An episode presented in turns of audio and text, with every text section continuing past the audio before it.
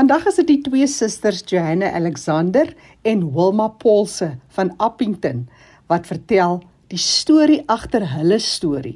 Elkeen het 'n boek geskryf en juis oor die herinneringe en die vrou wees in die platteland. Maar dit was die beginjare in blikkies wat vir al die stories geïnspireer het. Vertel ons eers so 'n bietjie, Joanna, begin jy oor die grootword dae in blikkies. Jackie, ja, dis regtig baie my mooiste herinnering van kind wees hulle oorsprong het. Maar in standaard 4 het ons op Appington toe getrek en ons het ons as gesin in Sestelaan in Blikkies gevestig. Vandag is Blikkies bekend as Progress.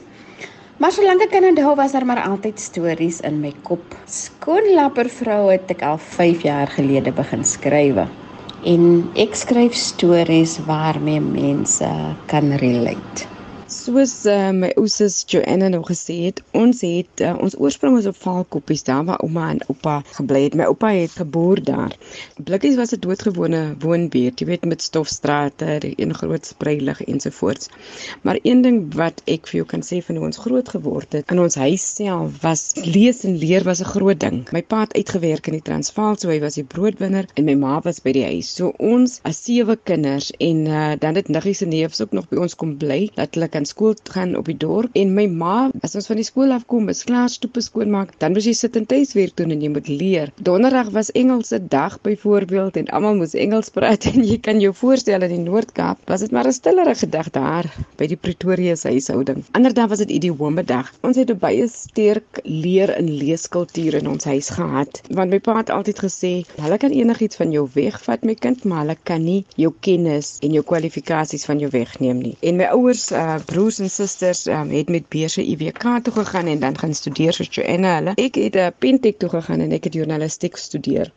Ek en Joanna het maar altyd geskryf oor die jare en die stories het maar altyd in die leie beland en ons het dit net met mekaar gedeel. Tot ons besluit het, weet jy wat nee, kom ons publish ons stories en vertel ons stories en ons skryfstyle is ook baie verskillend en as ons by mekaar kom by die huis nog steeds word daar baie gesprekke gevoer oor die land en oor dinge. So dit is hoe ons as 'n familie is. Janne, en na daai IWK dae het jy toe nou lank skool gehou hier plaaslik en vandag op 'n baie rype ouderdom vertel jy my is jy in Oman in die Midde-Ooste en jy's 'n Engelse onderwyseres daar. Maar terug hier by die huis, waar kom die naam Skoenlappervrou vandaan? Wat het dit geïnspireer?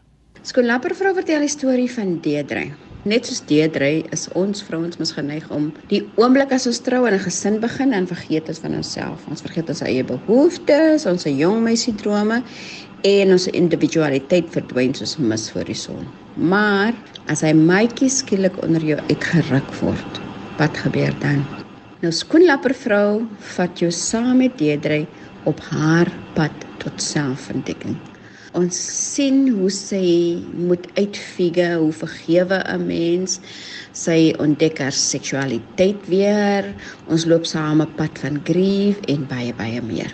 Want tussen deur Deidre se ervarings leer ons ook deur die manlike hoofstroom karakters hoe mans die dood ervaar en hoe een onbesonde swakheid 'n mens se hele lewe kan ontspoor en belangrik dat jou posisie in die samelewing jou nie noodwendig vrymaak van menslike swakhede nie. Die hoofrede vir my boek was hoofsaaklik om ons stories te vertel in ons dialek, stories waarmee my mense kan identifiseer en stories waar ons in die boek kan inklim en voel ons is deel van die storie. Jy kan nooit sterk staan as jou wortels nie stewig geanker is nie en dis 'n feit. En my kom vandaan is die Noord-Kaap. So met hierdie boek wil ek hoofsaaklik my herkoms vier. Ek wil dit erken en ek wil dit ophef. Wilma en aan die ander kant het jy op Vrouedag blikkies vol stories bekend gestel. Kort verhaal bundel en soos jy dit stel oor die mense in die agtergrond die agtergrondkarakters. My boek is ook nie taalkundig korrek nie want ek skryf in die taal en die dialek van die Noord-Kaap as dit Afrikaanse variant. Die mense se name is ook 'n name wat tipies daar sou wees met beskrywende goed. Daar is om Johannes Planmaker, ek het vir Trooi, ek het vir Koekie hulle daar, ek het vir Apperduintjie, Ounig. Um, dit is die agtergrondspelers wat die hoofkarakters in my verhale is. Nou moet ek daarom maar ook net vir jou byvoeg is alles fiktiewe karakters. Dis alles nou maar in my kop en die storieetjies het so ontwikkel. En net om jou 'n idee te gee van die trend, gaan ek gou vir jou 'n stukkie lees. Kos vir die Zozo. Terwyl Trooi so na haar karige kamertjie staar, worstel sy met die Here want sy kan nie anders as om te dink dat die oupas party mense voortrek nie. Maar sy sal dit nooit as te nimmer voor Willem noem nie. Kyk maar net hoe lewe die madam goed. Groot huis, twee karre. Die man het 'n goeie werk en sy het ook 'n goeie werk. En hier sit hulle in 'n een vertrek Zozo in die madam se agterjaard en sy Annie kan eers 'n skroppie kry nie. Wat het hulle daar verkeerd gedoen? Daai Kaapse digter Adam Small het mos gesê, die Here het geskommel en die duis het verkeerd geval vir ons. Trooi weet verseker, sy's deel van daai ons. Dit is die trend. Ek praat van kinders, ek praat van ek is op ensovoorts. So dit is in die Noord-Kaap se dialek of die Noord-Kaapse Afrikaanse variant geskryf. Wat ek dink belangrik is dat hierdie variant sy plek ook inneem in die Afrikaanse milieu en dat ander mense blootgestel word aan hierdie tipe Afrikaans en dat hulle dit hulle regmatige plek kan inneem of hierdie Afrikaans en daar's baie groot Afrikaanse goeie Afrikaanse woorde wat verlore gaan omdat niemand dit aanteken nie. So vir my was stories wat in my kop gewees het wat ek nou maar vertel het, daar is ook 'n beter ding. Mense wat nou in blikkies bly, wil nie meer blikkies genoem wees nie, hulle bly in progress. Maar ek het letterlik daar rond gaan stap en met die mense gepraat en ek het 'n paar foto's geneem en in my boek sal jy ook 'n paar foto's neem van die area. Dit lyk nog steeds dieselfde as 30, 40 jaar gelede toe ons daar groot geword het. Of nee, dit lyk erger. Die enige groot verskil is ook dat ons gedroom het. Ons het baie gedroom om daar uit te kom en 'n beter verlewe vir ons te skep. En as ek met die kinders gesels, dan is daar so 'n mismoedigheid in hulle oë en hulle sê daar is nie hoop nie. Daai kinders droom nie soos ons gedroom het nie. So laaste woord van julle twee, Joanne Alexander en Wilma Paulse.